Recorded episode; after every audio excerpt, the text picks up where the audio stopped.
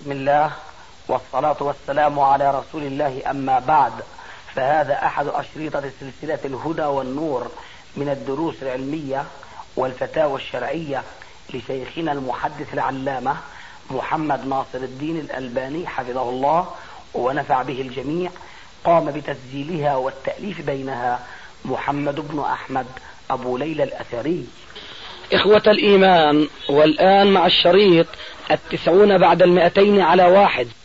نفس مثل السيارة نقدا بخمسين البنك اشتراها. يعني للبنك لأنه يشتري من السيارات كثيرة يشتري بسعر أرخص. ويبيعها بخمسين لنفس هذا الرجل.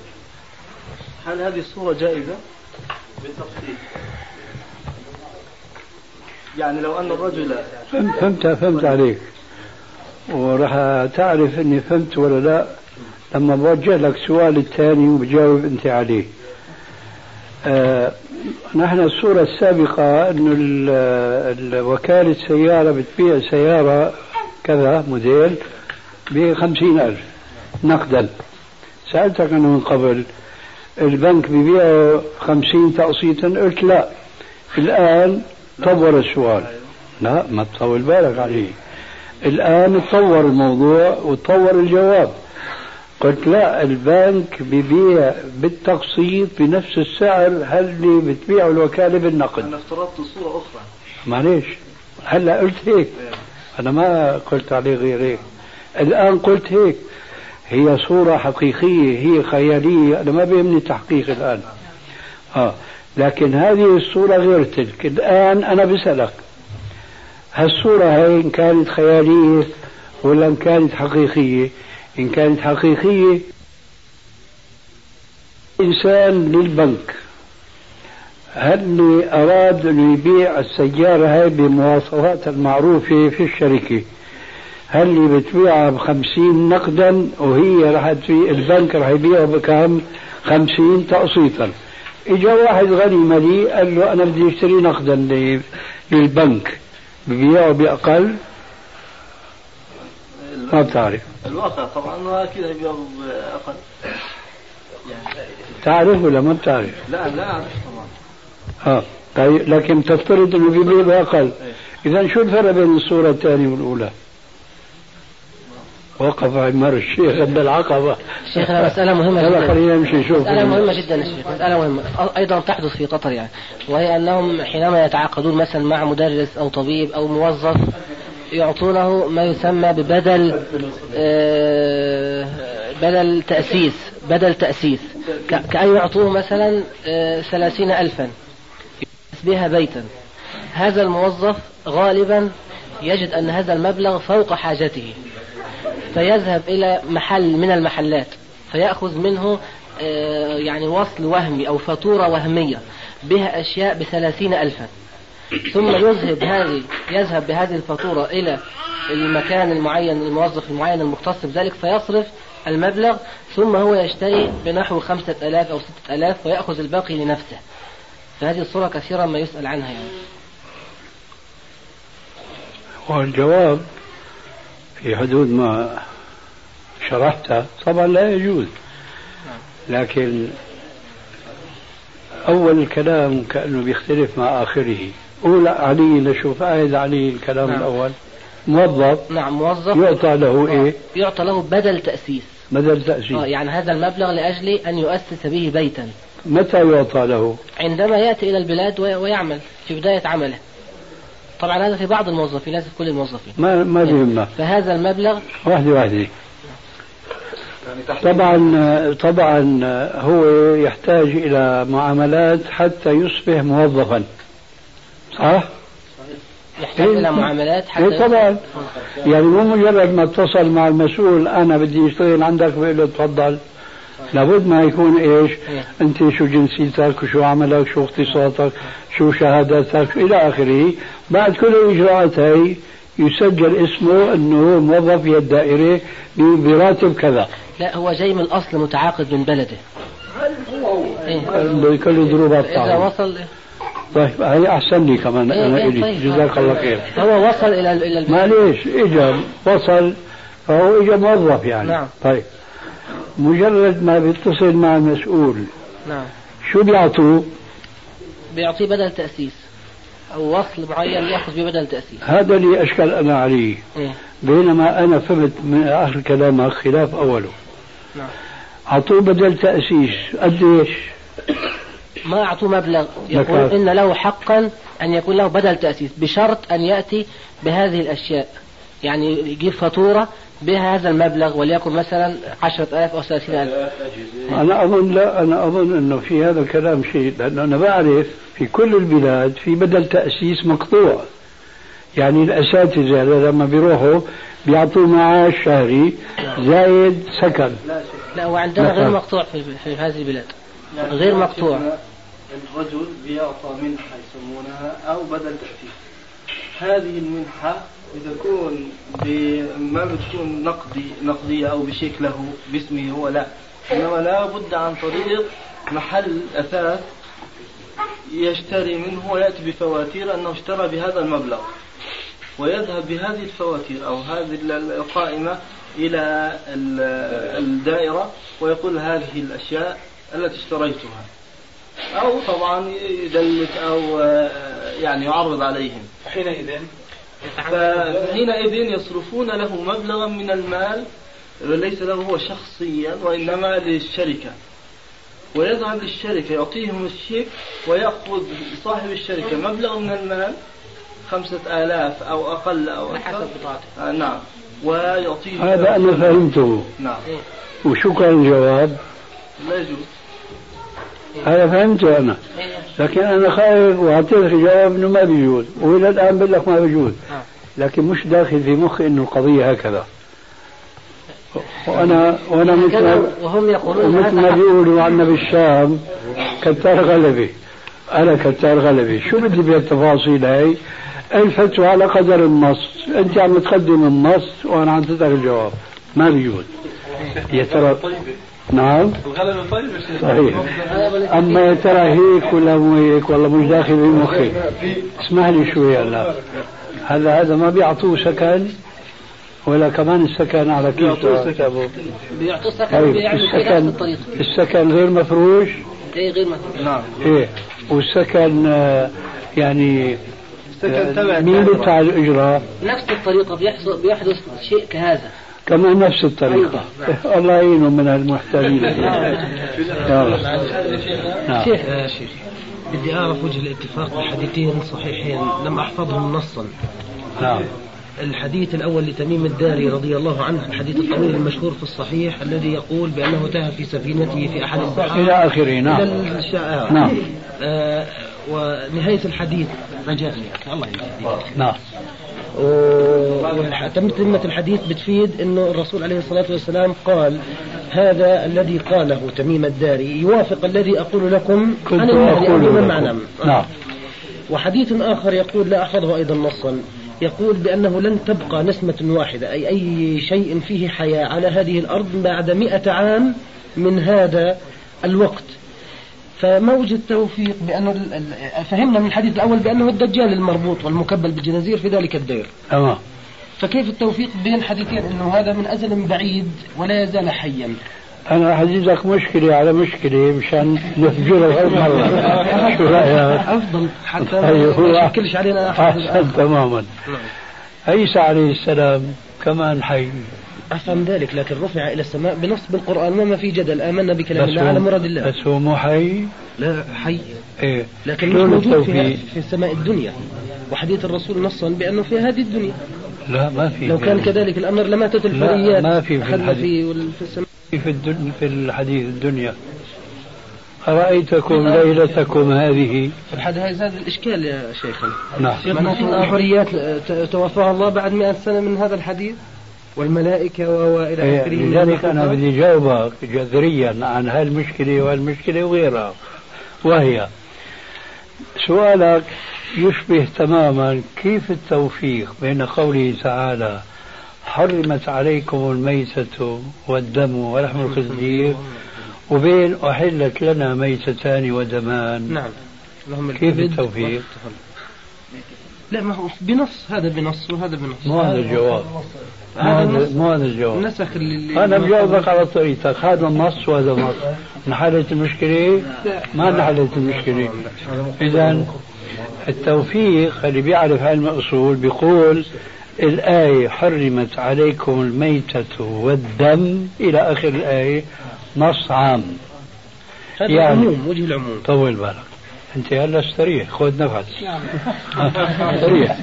أنت اللي اللي عندك الخيته بيجي دوري أنا بدي القي اللي عندي. صح؟ جزاك الله وهل جزاء الإحسان إلا الإحسان؟ أنت الخيت ما عندك أنا بدي القي ما عندي. حرمت عليكم الميتة والدم. معنى الآية كل ميتة وكل دم حرام. واضح هذا المعنى إلى هنا؟ نعم. كويس. لكن بيجي الحديث بعارضه على حد تعبيرك أنت أنا بقول الآن بعارضه. أنا ما بقول هيك. لا أنا شو بيعرض؟ الاتفاق ما أنت بدك تأخذ نفس هلا. نفس طويل. آه، الحديث بيقول أحلت لنا ميتتان ودمان. هنيك بيقول كل ميتة وكل دم حرام. هون بيقول أحلت لنا ميتتان ودمان. الحوت والجراد والكبد والطحال. كيف التوفيق؟ ما بيصير نقول هذا نص وهذا نص. لأنه هذا نص وهذا نص. مثل ما أنت فعلت أنا هيك بفعل لكن ما حل الإشكال. التوفيق كل ميتة إلا إلا ميتة الجراد والحوت. وكل دم إلا دم الكبد والطحال. بسموا الفقهاء النص القرآني عام والنص الحديثي مخصص لهذا النص العام. هل الفلسفة سمعتها شيء بزمانها؟ أدري ذلك لكن هون ما في حديث لا. لكن إيه أنا سألتك سؤال ما أعطيتني جواب. آه هي مشكلة. فأنت السؤال ما فهمته مع ذلك تستعجل مثل غيرك شو بتقول. لكن لكن هي جملة استدراكية. بتستدرك على ماذا؟ وأنت ما فهمت السؤال. إن في ذلك لآيات لأولي الألباب. آه. أنا بقول هل سمعت هذه الفلسفة إنه هذا نص عام وهذا حديث خاص؟ والخاص يخصص النص العام. وبتطلع النتيجة غير النتيجة اللي بتفهمها أنت لما بتقرأ النص العام. أنا شرحت لك النص العام بصورة واضحة. حرمت عليكم الميتة والدم. أي حرمت عليكم كل ميتة وكل دم. هيك النص القرآني. لو سألك سائل السمك الميت في البحر بيجوز أكله ولا لا؟ شو بتقول له؟ حسب التخصيص في حديث رسول الله. لا تقول حسب ما حسب. شو بتقول له؟ بيعرف هذاك حسب ما حسب رجل عامي. جاي يسألك سؤال. سمك طافي في البحر. جاي. بيجي واحد متفلسف عليك مثل حكايتي أنا. بيقول لك الآية شو بتسوي فيها؟ الآية بتقول كل ميتة حرام. يجيب له حديث رسول الله عليه الصلاة والسلام. إيه بتضرب الآية بالحديث يعني إذا شو بتساوي؟ وجه الاتفاق بينهم. شو هو وجه الاتفاق؟ هالفلسفة اللي أنا حكيتها هي وجه الاتفاق؟ فهمتها؟ تخصيص هنا. فهمتها يا أخي أنا مثلا. أنا وجه العموم والخصوص في هذه المسألة. طيب فهمتها؟ نعم. إذا فهمت هي فهمت ذيك طب في هون بيجينا ناس عمالهم مو طيب مو طيب مو فهمت طيب. فهمت ذلك. مو طيب. فهمت إذا هي فهمتها فهمت هذيك خلصت في صحيح هيك؟ مسألة عمالها بيطيروها العامة بيخصصوها بهاي المسألة بيلصقوها يعني. عمالهم بيجي بيقول لك واحد يا أخي طيب ما هو في الحالة هاي التخصيص للخبر بأنه حي؟ في أحاديث بيستشهدوا فيها ما ندريش مدى صحتها. هذا سؤال ثاني ولا ولا لا هذا؟ جديد. جديد. نعم. انتهينا من القديم. نعم. جزاك الله خير. شلون صار التوفيق بقى عندك بالنسبة للسؤال الأول؟ السؤال الأول وجه العموم في الآية القرآنية. لا سؤالك أنت مو سؤالي أنا أنت ما جبت آية ذكر الدجال هون ورد بالحديث بتخصيص الدجال بهذا من رسول الله عليه الصلاة والسلام. كويس. بأنه حي. أيوة. والوجه العموم بباقي المخلوقات إلا ما خصص. أيوة. بأنه سيموت. كويس. نعم. وضح بالك زاد الإشكال صح؟ أكيد. أكيد. نعم. جزاك الله خير. شيخ. هات الآن شو عندك؟ في ناس عمالهم بيدعوا بيقولوا بأنه الح... بيستشهدوا بأحاديث لا أدري مدى صحتها ولم أقف على حديث في أي صحيح في هذه المسألة. لأنه لا زال الخضر عليه السلام حيا. إيه نعم. فهل هذا صحيح؟ ما كان هذا سؤالك الثاني هيك؟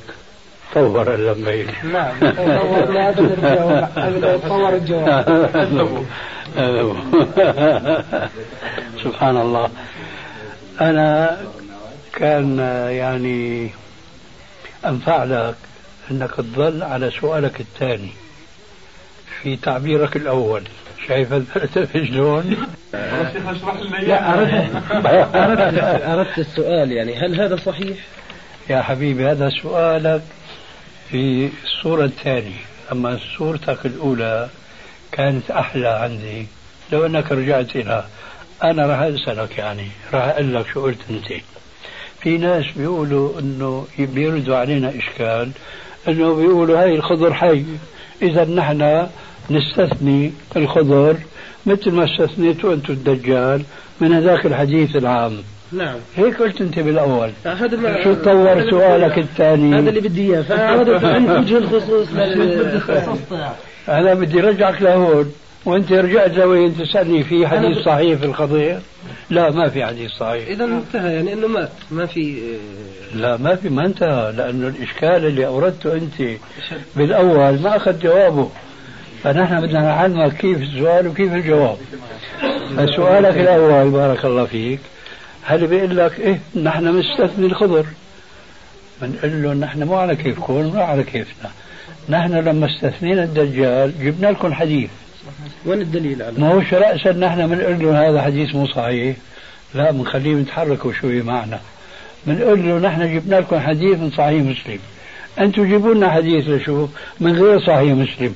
منيح هي نحن واسعين يعني. شوي. فبنقول لهم هاتوا الحديث. هاتوا الحديث. اللي بيستثني الخضر من الحديث الأول العام يعني. راح تشوفهم ما بيجيبوا شيء. عرفت شلون؟ لأنه ما عنده الحديث أنا لذلك سألتك لأنه لنظرك في الأحاديث بشكل أعم بارك الله فيك. فأردت أني أتأكد يعني هل أنا ما عم ألومك يا حبيبي. ما عم ألومك مش موجودين حديث بهذا. أنت ما عم تفهم علي أنا ما عم ألومك ليش سألت؟ في حديث ولا ما في؟ عم ألومك إن كان عندي لوم إلك وما في عندي لوم لا إلك ولا لغيرك وإنما في عندي توجيه للسائلين كيف ينبغي أن يسألوا. وما في السؤال يبدأ بالسؤال من هون ينتهي من هون. سؤالك الأول هو الأحسن كان. وأنت عرفت أنه هذا السؤال هو الأحسن. نعم وهو أن يقال لهذا الصوفي أو غيره نحن استثنينا من الحديث العام حديث الدجال بحديث. ها؟ نعم. هاتوا أنتم حديثكم متعلق بالخضر حتى نقول لكم مثل ما قلنا نحن عن الدجال إنه الخضر كمان مستثنى. لكن ما في عندهم. نحن إحنا سألنا كثير في هذه المسألة لكن الأغلبية بتفلت لما بتساله اعطيني الدليل بقول لك موجود في صحيح كذا فبتبحث لما بتجده. فحبيت أسألك على أساس يكون شافي الجواب من قبلك مساله زرع القرنية إنها لا تجوز. ولكن لو حكيت صورة خاصة بي أنا. أنا إنسان صناعي لا أستطيع أن أعمل بمهنتي لأني عندي قرنية. إلا إذا غيرت هذه القرنية. فما هذا الحكم يعني؟ فما في المساله بخصني أنا أنا عندي قرنية. معلش يا أخي بس اعملها هل سؤالك هذا. ما سبق توجيهه وما سبق جواب منا ما ما شفاني جواب الأخ يعني كان هو ما يعني ما كفاني أنا. خير يعني هو يتعلق بي أنا. طيب هو أنت بقى الآن القرنية منين بدك تجيبها؟ يقولوا إنه يتبرع فيها ناس أو حتى الأصح إنه في الأردن ما حدا بتبرع تأتي من دول الخارج لأنه بالاردن ممنوع إنه يقيموا من احد فيقولوا إنها تأتي من دول الخارج واحدة واحدة نعم البحث العلمي ما بيقبل الحماس نعم. بده هدوء نعم. القرنية هي من تجي؟ يقولوا من دول الخارج إيه دول الخارج مين بيجيبوها؟ من الناس من الناس أحياء ولا أموات؟ أكيد أموات شوف بقى وين دورنا والفهمت رجعت لكلامي السابق. نعم. أنا قلت هالقرنية هي؟ يا من حي؟ وهذا إضرار. يا من ميت؟ شو بقى أنت شيء جديد اللي جبته؟ كافر. كافر. كافر. كافر. يكون من خارج هذا من عندك أنت. أنا عم بسأله إله يا شيخ معلش. شو الجديد اللي جبته أنت بسؤالك؟ سؤالي إنه الع- ما عم اسالك شو سؤالك. نعم. شو جديد اللي جاء في سؤالك؟ أنا أقول ما في جد أقول ما فهمت الجواب من في السابق. يعني ما دخل لمخيلته ما هو الجواب الشافي إنه يجوز أو لا يجوز. ولكن هنا في مسألة طحرة خلينا نقول انه طرحها وهو كافر؟ نعم. من هذا كافر؟ هل تجوز أو لا يجوز؟ يواش يواش يواش يواش أنت هلا شو بتقول؟ شو الشيء الزايد اللي جبته الآن أنت؟ ولو أنه طلبت المدد من صاحبك. شو الشيء الجديد؟ انه كمان من هون يوسوس انه القرنية من كافر. من كافر طيب. قرنية كافر ميت؟ نعم. إذا كان ميت فالميت ليس له حرمة الكافر بخلاف المسلم. شو عرفك إنه هي قرنية كافر؟ نعم أقول إنه في الأردن لا يوجد لا يوجد قرنيات. أما نحكي عن القرنيات اللي بتيجي من برا. نعم. شو عرفك إنه هي قرنية كافر؟ هل يعني كل شيء بيجينا من برا لازم يكون من كافر؟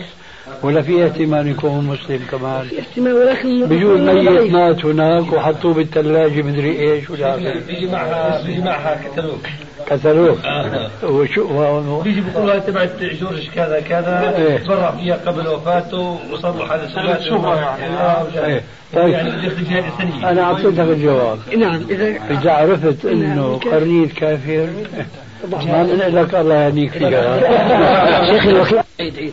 هل يجوز أن يأخذ ال- الوكيل شيئا من السمسار بدون تواطؤ؟ هل يأخذ شيئا من السمسار؟ آه بدون تواطؤ. الوكيل. الوكيل. يعني واحد عنده عقار وله وكيل معين متوكل في بيعه أو تأجيره. فهذا الوكيل أتاه سمسار فجاب له بيعة مثلا. فبعد انتهاء البيعة أو أثناءها أو شيء من هذا أو خليها بعدها أخذ هذا الوكيل شيئا من السمسار بدون تواطؤ. يعني ما كان لماذا؟ لو كان الأصيل موجود السمسار شو بيساوي؟ لو كان إيش؟ الأصيل. إيه صاحب صاحب الدار صاحب العقار. نعم. واجا سمسار إيه. شو بيساوي السمسار مع صاحب العقار؟ هل يعطيه شيئا؟ إيه إيه ممكن يعلم ذلك و آه شكلت أنت هلا قلت يمكن. أيوة أنا أسأل في الاثنين إذا علم صاحب العقار أو لم يعلم. إن هذه مسألة وقعت يعني. ممكن يعلم هو ما, الله ما يهديك. رجعت للوكيل أنا بحكي إيه. عن الأصيل. إيه الأصيل يعلم وما في حرج عنده. شلون؟ ما في حرج إنه يأخذ يعني آه، صاحب العقار ليس عنده أي مانع بأن يأخذ الوكيل من من ال... أنا مو هذا سؤالي. الوكيل يأخذ من السمسار. والسمسار ما يعطي لصاحب البيت طبعا بلا شك. لماذا؟ لماذا يعطي الوكيل؟ لا يعطي رجل أجير. لا يعطي الاسيل رجل ضعيف هذا بدنا نفهمه نحن. ليش بيعطي هذا ما بيعطي هذاك؟ بيعطيه يعني مثل البخشيش اللي بيعطوه للأجير بالصالح. إيه هذا بده سؤال. كان- أني أنت تسكت. أنا أخشى أن يكون وراء الأكمة ما وراءها. لا لا لا ما وراه هو لأنه حصل شيخ ممكن توضيح كل شيخ. مشكلة يعني بعضهم آه، يتدخل في الموضوع وقال كيف كذا. الإجابة طلب- من السؤال ب- بصوتك يا شيخ. أنا أخشى أن يكون هذه رشوة. رشوة للوكيل. شيخنا في شيء صاحب البيت. صاحب العقار يا أخي اصبر الله عليك صاحب العقار. اشترط على هذا ال- الوكيل الا يأخذ شيئا. إذا اشترط عليه ما إيه يأخذ. إيه وإذا لم يشترط هذا السؤال. إيه، إذا لم يكن رشوة فيجوز. إذا لم ياخذ شيء نعم. يقول السائل إنسان أصيب بمس من الجن ولم ينفع الطب في علاجه ولا يوجد من يخرج هذا الجن من المصاب. فإذا لجأ إلى عراف من أجل أن يخرج الجن من بدنه فهل هذا يجوز له أم لا؟ وماذا يفعل؟ إذا كان السائل يعني ما يقول حينما يقول عرافا الجواب أن النبي صلى الله عليه وسلم قال من أتى عرافا فصدقه بما يقول فقد كفر بما أنزل على محمد. إن كان يعني ما يقول. أما إن كان يعني أنه يأتي إنسانا يخرج الجن بطريقة مشروعة وهي محدودة جدا وهي أن يتلو آيات من القرآن الكريم أو رقى ثابتة عن النبي عليه الصلاة والسلام وتعويذات يقرأها على هذا الممسوس أو هذا المصروع فقد يشفى بإذن الله تبارك وتعالى. أما إن كان يستعمل أشياء أخرى كما يبلغنا عن كثير من هؤلاء الذين نصبوا أنفسهم لمعالجة هذا الجنس من الناس ألا وهم الممسوسون.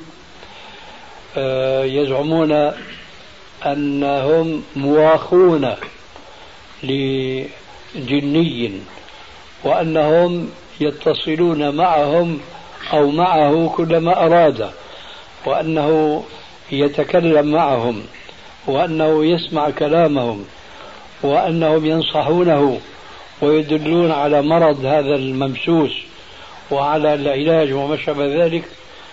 فهذا هو العراف الذي نهى الرسول عليه السلام عن إتيانه وهو من الاستعانة بالجن المنهي عنها في مثل قوله تعالى حكاية عن لسان الجن الذين آمنوا بالنبي صلى الله عليه وسلم قالوا وأنه كان رجال من الإنس يعوذون برجال من الجن فزادوهم رهقا أي تعبا وضلالا ومقتا.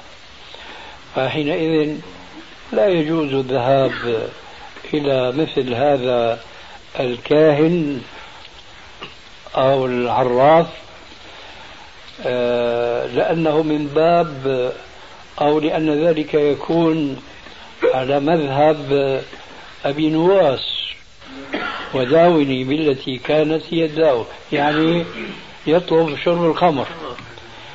إيه، هكذا يكون شأن هذا الإنسان المصاب بالمس من بعض الجان حينما يأتي بعض الناس للاستشفاء على يده وهو يستعين بالجن وليس فقط يتلو على الجن المتلبس بالإنس آيات من القرآن كما ذكرنا أو من التعاويذ الثابتة عن رسول الله صلى الله عليه وسلم. فالإخراج الجن بهذه الطريقة القرآنية أمر جائز ومفيد لأنه من باب قول عليه السلام من استطاع منكم أن ينفع أخاه فليفعل. أما ما سوى ذلك غير التلاوة القرآن والأدعية الواردة عن الرسول عليه السلام فهو تسجيل في تسجيل فلا يجوز الاتيان. وحينئذ نقول لمن كان مبتلى أن يقصد إلى مثل إنسان صالح معروف بأنه يقرأ على الجن ويمكن أن ربنا عز وجل يفيد الممسوس بمثل هذه القراءة. فإن لم يستفد فحسبه الله. لأن الله عز وجل يبتلي عباده بما يشاء وكثير من الأمراض يصاب بها بعض الناس وتستعصي هذه الأمراض على الأطباء جميعا. ويعيش ويعيش ويعيش ثم يأتيه اليقين بهذا المرض يموت به. لكن يسعى إلا أن سعيه يجب أن يكون سعيا مشكورا. نعم. يقول السائل نرجو تفصيل القول في حكم الزواج من الكتابيات. فلسفة في التعبير لكنها لطيفة. أن يكون محصنا بالأخلاق الإسلامية. أما محصنا فمعروف هذا تعبير شرعي أن يكون متزوجا. وبذلك يحفظ نفسه من أن يتسرب إليه شيء من فساد ذلك المجتمع الذي اضطر للذهاب إليه من أجل تحصيل العلم الذي ارتضاه لنفسه وبشرط أن يكون هذا العلم في نظر الإسلام مقبولا مشروعا جائزا على الأقل. إذا نحن نقول اليوم لا يجوز أن يتزوج المسلم بغير المسلمة لأن هذه غير المسلمة ليست تدخل جوا إسلاميا تنطبع بأخلاقه لأنه نفس الجو هذا ليس إسلاميا. لأن عم نشوف نحن نسائنا المسلمات وبناتنا المسلمات ما عم نستطيع نربيهم تربية إسلامية إلا ما قل وندر جدا. والنادر لا حكم له كما يقال. فكيف ندخل إلى بيوتنا من يكون أبعد ما يكون عن عقائدنا وأخلاقنا وسلوكنا فضلا عن عاداتنا. لذلك نسأل الله تبارك وتعالى أن يلهمنا رشدنا وأن يوفقنا للتفقه في كتاب ربنا وفي سنة نبينا وعلى منهج سلفنا الصالح فإنهم هم القوم لا يشقى جليسهم. والسلام عليكم ورحمة الله وبركاته.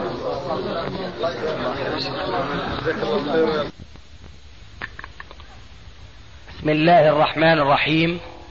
من سلسلة الهدى والنور أجوبة على أسئلة عبر الهاتف.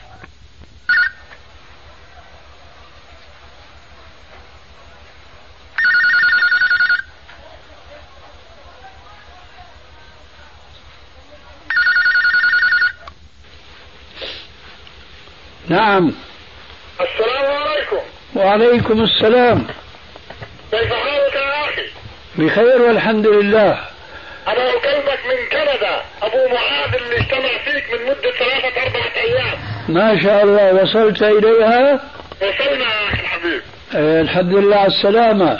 الله يسلمك الله يبارك فيك. كيف حالك؟ يدونك السلام كثير جدا. عليك وعليهم السلام ورحمة الله وبركاته جزاك الله خير يا أخي الحبيب عندي مسألتين تقريبا تفضل. الله يجزيك الخير. في أخ أيوة. في مدة سابقة وقع يريد أن يبيع عقار معين. أيوة. وهذا القضية حصلت في فرنسا. أيوة. طبعا الحكومة تفرض عليه أن يضع نسبة 10% من قيمة العقار في البنك. وإن طبعا تفرض عليه بحيث إذا كان طلع عليه ضرائب من الحكومة تستطيع الحكومة تحصل هذه الضرائب من المبلغ الموضوع في البنك وإن لم يفعل. وإن لم يفعل ما يتم البيع والحكومة ما تقبل هذا. أيوة. تابع. تابع. كل عندما تضع هذه الفلوس تضعها بالربا في البنك. أيوة. فهو طبعا تتم الإجراءات والإجراءات هذه ربما تأخذ سنة سنتين ثلاث. أي نعم. حتى تنتهي القضية مع الحكومة. أيوة. القضية أخذت سنتين إلى ثلاث سنوات الآن تمت القضية. أيوة. طبعا طلع له ربا من البنك حوالي 30 إلى 40 ألف دولار. الله أكبر. فماذا يفعل بهذه الفلوس يا أخي الحبيب هل يحرقها؟ هو إذا تقول لي يحرقها يحرقها. هل يتصدق فيها؟ هل هل أرسلها كما أرسلت آه، فلوس الزكاة الأخرى؟ أم ماذا نفعل إيه أنا آه، أبارك لهذا الإنسان هذا الجهاد. أولا. آه. وأبارك له وأبارك له سؤاله ثانيا. جزاك الله خير والجواب أنه لا يحرق هذه الدولارات. أيوه. ولا يتصدق بها. أيوه. ولا يضعها في أموال الزكاة. أيوه. وإنما يصرفها فيما يعرف عند العلماء بالمرافق العامة. مثل؟ والمرافق العامة هي كل مصلحة أو كل إصلاح يقوم به صاحب هذا المال يستفيد منه جمهور المسلمين ولا يستفيد منه شخص واحد. مثل أخي الحبيب المركز اللي قائمين عليه. هل نستطيع نستخدمها له؟ لا المركز القائم عليه مركز إسلامي. فينبغي أن يكون ماله زكيا. وأن يكون نظيفا.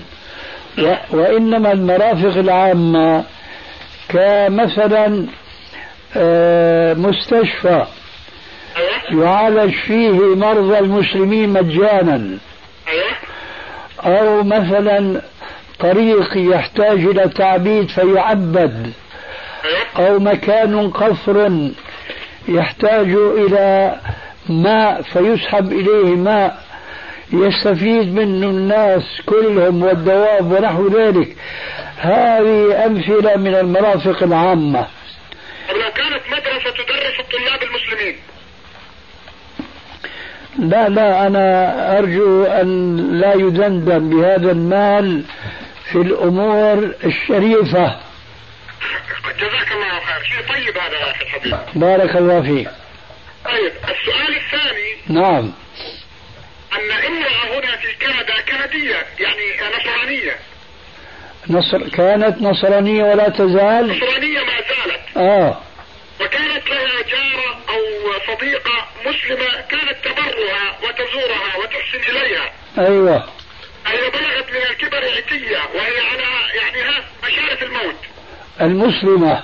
لا الكندية الكافرة. أيوة طيب. أتريد أن تعطي أموالها لهذه المسلمة. أيوة. كانت تبرها أيوة. يمكن تبلغ مئة ألف دولار تقريبا. ما شاء الله. تريد أن تعطيها لهذه المسلمة؟ لا على شرط أن المسلمة آه، تعتني مثلا بقبرها. يعني مثلا تحفر لها قبر وتزرع الورد حوالين تعرف الطقوس تبعت النصارى هنا. أي نعم. هذا شرطها. هل المسلمة سألت هل يجوز لها أن تأخذ هذا المال وتفعل هذا لهذه النصرانية؟ العجوز لو ماتت؟ لا يجوز. لا يجوز. إن آه، آه، وهبت هذه النصرانية دون شروط لتلك المسلمة دون أي شرط حل لها وإلا فلا. الله يجزيك الخير يا أخي العزيز. الله يحفظك. بالنسبة يا أخي العزيز لحجاب المرأة غطاء الوجه. إيه. طبعا قرأنا ما تقول أنتم. أي نعم. هل أنت أنت تقول هو آه، مستحب وليس واجب؟ أي نعم. وما ما زلت على هذا الرأي. ما زلت وفي كل يوم أزداد إيمانا. جزاك الله خير بارك الله فيك. وفيك أخي الحبيب في أخ يريد أن يسلم عليك يتفضل. خذ تكلم معه هاته. السلام عليكم شيخنا وعليكم السلام ورحمة الله وبركاته. حسان العظم من كندا يا شيخ أهلا مرحبا. كيف حالك يا شيخ؟ أحمد الله إليك. بارك الله فيك يا شيخ. و- ومأجور إن شاء الله ويضعها في ميزان حسناتك. الله يتقبل منك إن شاء الله ما تقول.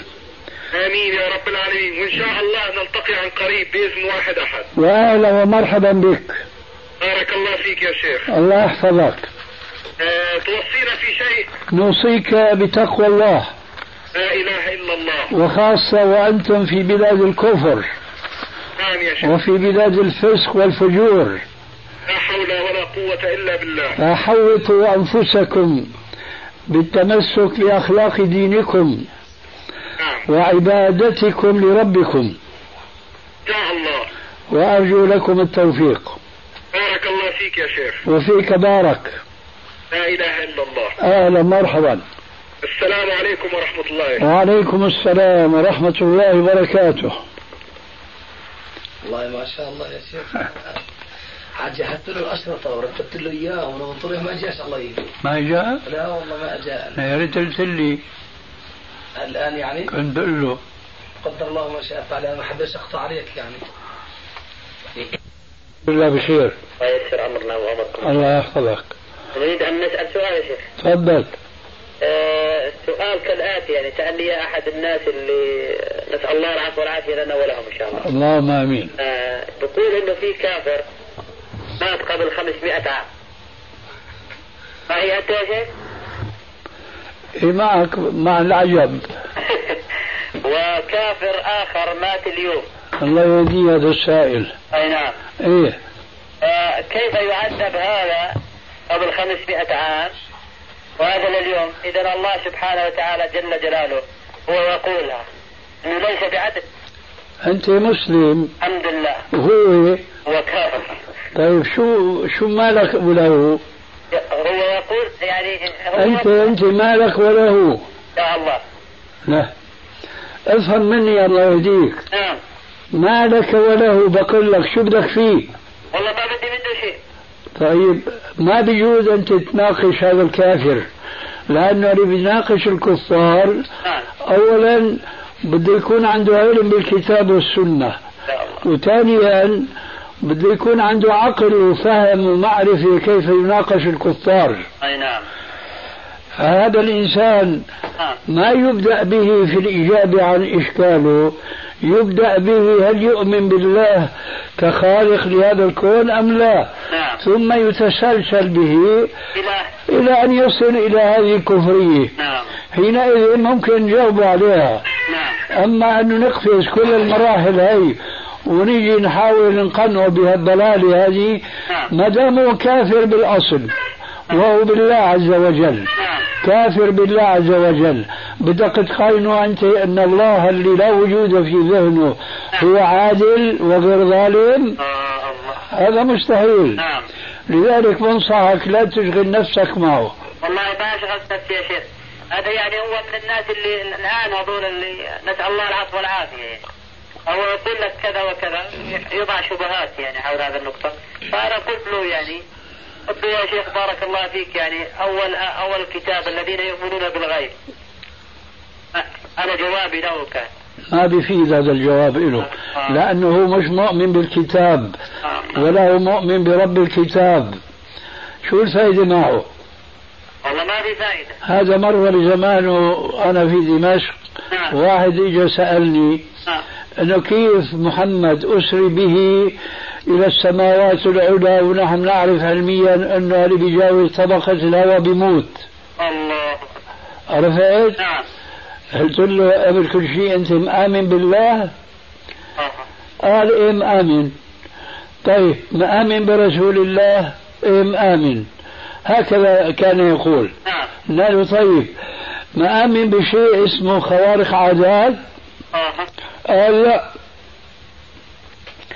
قلت له هل تؤمن بالطب؟ قال إيه قلت له الطب يقول إنه بعض البشر له قلبان قلب في اليمين وقلب في اليسار شو علمك أنت بالطب؟ تعرف بالطب؟ قال لا قلت له إذا الأطباء كتبوا ونشروا في المجلات هذا الخبر اللي أنت ما بتعرفه بتآمن فيه ولا لا؟ قال بآمن فيه قلت له مع انه هدول أطباء كفار وخنازير وممكن يكونوا يعني مخطئين ويكونوا مغرضين والى آخره. فإذا ربنا لتؤمن به أخبرنا على لسان أصدق الناس وهو رسول الله بأن الله أوحى إليه سبحان الذي أسرى بعبده ليلا من المسجد الحرام إلى المسجد الأقصى إلى آخر الآية.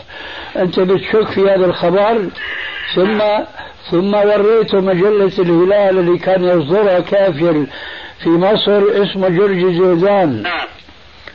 أرجيته مجلة مصور فيها ديك في اليابان وضعينه على سور ارتفاعه أربع أمتار. والديك يمكن حجمه أبو شبرين. الذيل تبعه واصل الأرض من فوق الجدار. الله. قلت له هل تؤمن بهذا؟ قال ما دام هي الصورة هيك قلت له هذا هو خرق العادات. فالله عز وجل اللي خلق الديكة بالصورة اللي بنعرفها مشان حتى ينبهنا من غفلتنا إنه هي مو طبيعة كما يقول الدهريون والطبيعيون إنما هذا بتقدير الله عز وجل وقدرته. كل مدة ومدة بيظهر لنا بعض الإيش؟ الخوارق العادات. حتى يحيي شعورنا. اللي تلبد في قلوبنا التأثر بالعادة فربنا بذكرنا بمثل هذه الأمور الخارقة للعادة فكما خلق الله عز وجل العادة في الحيوانات بيخرق العادة في البشر. وهم المكرمون عند الله عز وجل بنص القرآن وبخاصة أن يكرم منهم أكرمهم وهم الأنبياء والرسل وبصورة أخص أن يكرم أفضلهم وسيدهم وهو نبينا عليه الصلاة والسلام. قصدي من هذه الحكاية أنك تعرف كيف يمكن التسلسل والتجادل مع الكفار هذول. لعلك فهمت؟ والله فهمت. الله يجزيك عنا الخير إن شاء الله. يا الله يحفظك نعم فهمت فهمت. في عندك شيء غيره؟ نعم ما نريد إلا سلامتك. السلام عليكم. السلام ورحمة الله وبركاته. أيوة. والله ممكن أسألك بعض لو سمحت. هات نشوف أنا فقدت زوجي من مدة شهر. الله يرحمه. هي ست هذه بسأل المرة كم تعتاد كم يوم كم شهر؟ أربعة أشهر وعشرة أيام. طيب آه، هل يجوز لها في فترة هي الخروج؟ وشو الحكمة من هيك لو سمحت؟ إيش؟ هل يجوز لها الخروج وإيش؟ و- والحكمة من ذلك؟ آه، أولا ما تسألين عن الحكمة اسألي عن حكم الشرع. آه حكم الشرع. أيوة أما الحكمة فهذه قد يعلمها بعض الناس ويجهلها أكثر الناس. فإذا سألتيني أنا مثلا أنه شو الحكمة قلت لك ما بعرف. إيه أنت هون بصير عندك شك. بينما إذا سألتيني شو الحكم بعرف الحكم. جاء في كتاب الله وفي حديث رسول الله صلى الله عليه وسلم أن المرأة المتوفى عنها زوجها لا يجب أن تعتد في بيتها بل وفي البيت الذي جاءها خبر موت زوجها. أي لو كانت في بيت غير بيتها لازم تقضي هناك بقية أيام العدة أربعة أشهر عشرة أيام. فبالأولى والأحرى أنه إذا مات الزوج في بيته وهي معه وحينئذ لا يجوز أن تخرج البتة حتى تنقضي تمام العدة. أما إذا كان هناك ضرورة ملحة فهنا المسألة تدخل في القاعدة العامة هل تقول الضرورات تبيح المحظورات؟ مثلا مثلا لا سمح الله أن هذه المرأة أصيبت بسكتة قلبية. فبيضطروا حينئذ أن يأخذوها للمستشفى هذا أمر ضروري. أما بدها تزور أبوها أخوها أمها قرائبها إلى آخره. بدها تشتري حاجة في السوق ويوجد من يشتريها. كل هذه الأشياء ليست من الضرورات في شيء. فإذا عليها أن تلتزم دارها حتى تنقضي عدتها تماما. لكن ذلك لا يمنع أن تتحدث مع الغرباء فضلا عن الأقارب. حديث عادي ما في مانع سواء كان من وراء الحجاب أو كان بواسطة الهاتف. واضح الجواب؟ واضح. معلش في سؤال ثاني لو سمحت. تفضلي.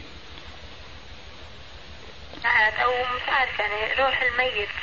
هل تأتي يعني أهل يعني وبيعرف عنا شو بنسوي هون إحنا في بيته مثلا؟ ابدا. هذه خرافات تدور في أذهان بعض الناس. الميت إذا مات انقطعت علاقته بالدنيا بالكلية. يعني لو نزلت القنابل الذرية هل سمعت عن واحدة منها لما أنزلوها الأمريكان على اليابان لو نزلت مئات القنابل الذرية على هذه الأرض الكروية ما بحس الأموات فيها إطلاقا. إذا مات الإنسان انقطع عمله إلا من ثلاث. وربنا يقول في القرآن الكريم وما أنت بمسمع من في القبور فالموتى لا يسمعون. فلا تصدقي هذه الأخبار كلها. إيه، قراءة القرآن تصل للميت. إذا كانت القراءة من الولد من الأولاد أولاد المتوفى. والزوجة. أنت بدك تجاوبي ولا أنا؟ تفضل. أيوة. أنا عم أحكي. راح أعطيك جواب كما يقال جواب جامع مانع. فأقول إذا كان الذي يقرأ القرآن هو ولد للمتوفى سواء كان أبا أو أما فهذه القراءة تنفع. أما من سوى الأولاد فلا تنفع قراءتهم غير الأبوين كما ذكرت آنفا.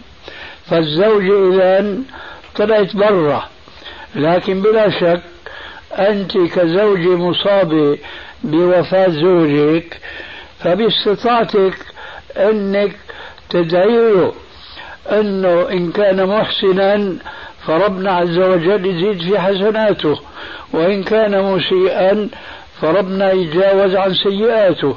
دائما يعني تذكريه بالخير وتزايده بالخير. أما أنك تقرأي وتوهي بثواب القراءة للزوج خلاص انقطع عمله كما ذكرت في الحديث السابق وتمام هذا الحديث قوله عليه الصلاة والسلام إلا من ثلاث صدقة جارية أو علم ينتفع به أو ولد صالح يدعو له. إن شاء الله لك منه أولاد. نعم. عندي خمس بنات وولد. إيه أكبرهم؟ عشر سنوات. عشرة. إيه إن شاء الله بيعيشوا وبيكونوا سعداء وبيعملوا صالحا حتى ينتفع أبوهم منهم. ومن هلا أنت ربيهم على هذا. معلش السؤال الأخير إحنا غلبناك تفضلي. حج عنه مثلا لو بعثت أمه. حج عنه. هل الحج يعني بتفيده أو بصير الحكي هذا؟ إيه هذا فيه تفصيل. إن كان المتوفى لم يتمكن من الحج في قيد حياته إما بسبب فقره أو مرضه فحينئذ بيجوز أنه أحد الأولاد يحج عنه أحد الأولاد يحج عنه. أما غيره كما ذكرنا فيما يتعلق بالقراءة فما أحد يستطيع أن يحج عنه. إلا إذا كان موصي وصية. موصيه بشيء؟ لا والله ما وصى بس انه توفى. خلاص ما أحد يستطيع أن يحج عنه. هلو أيوه. عم أقول في عندك شيء غيره؟ لا ما في والله. السلام عليكم.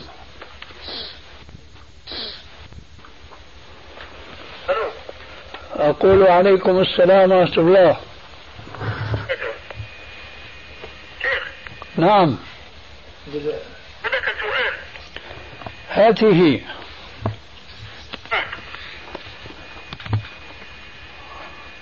هل يجوز الانخراط فيها؟ لا. نعم أم لا؟ لا لا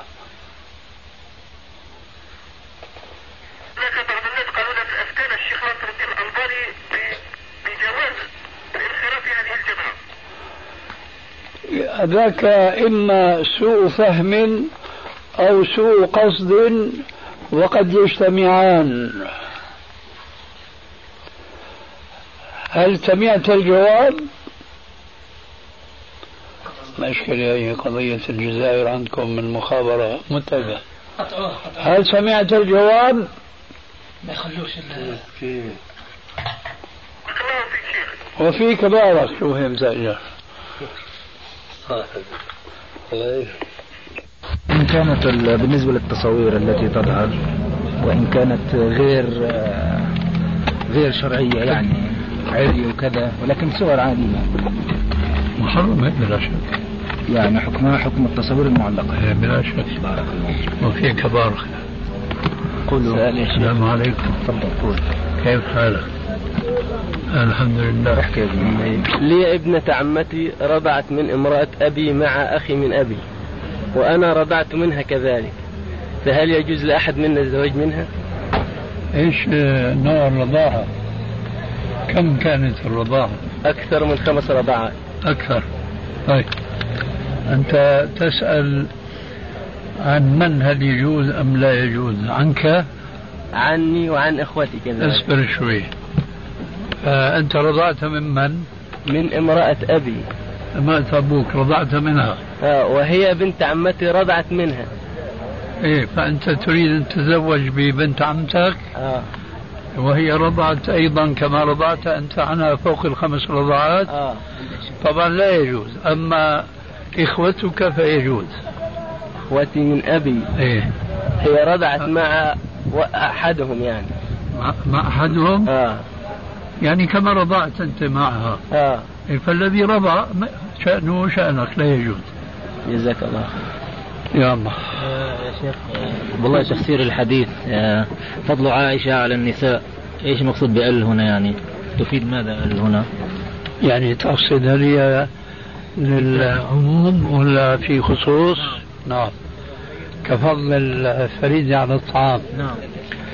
بلا شك هو يفيد العموم ولكن آه، كما تقول القاعدة الأصولية أنه ما من عام إلا وقد خص.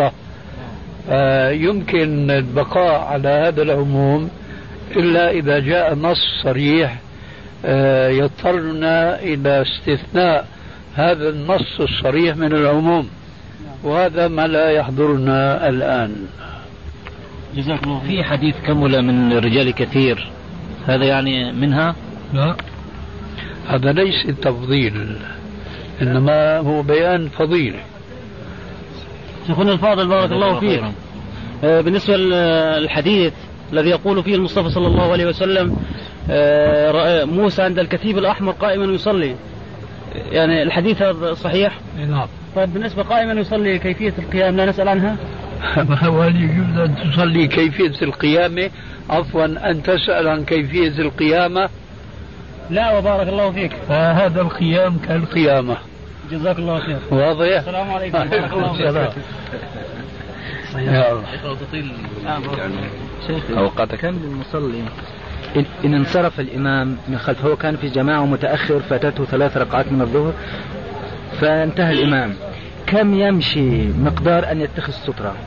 يمشي خطوات بحيث أنه إذا رؤي لا أحد يقول هذا لا يصلي وإذا وجد من يقول أنه لا يصلي هذا مشى كثير ما فما يمشي أقول لك نعم. لا يمشي الخطوات نعم. التي إذا رآه شخص خارج الصلاة ظن أنه لا يصلي لأن العمل الكثير هو الذي يبطل الصلاة. كمثل الزر الذي قلت عليه. أي نعم. يا الله السلام عليكم. بالنسبة لسنتي الفجر يا شيخ من لم يصليهما قبل الفريضة بعضهم يقول يؤخرهما بعد الشمس أفضل. ما في أفضلية الأمران جائزان إن شئت عقب الفريضة وإن شئت بعد طلوع الشمس وارتفاعها. تفضيل يعني. أي نعم. جزاك الله خيرا. وإياك. بارك الله في وقتك وفيكم إن شاء الله.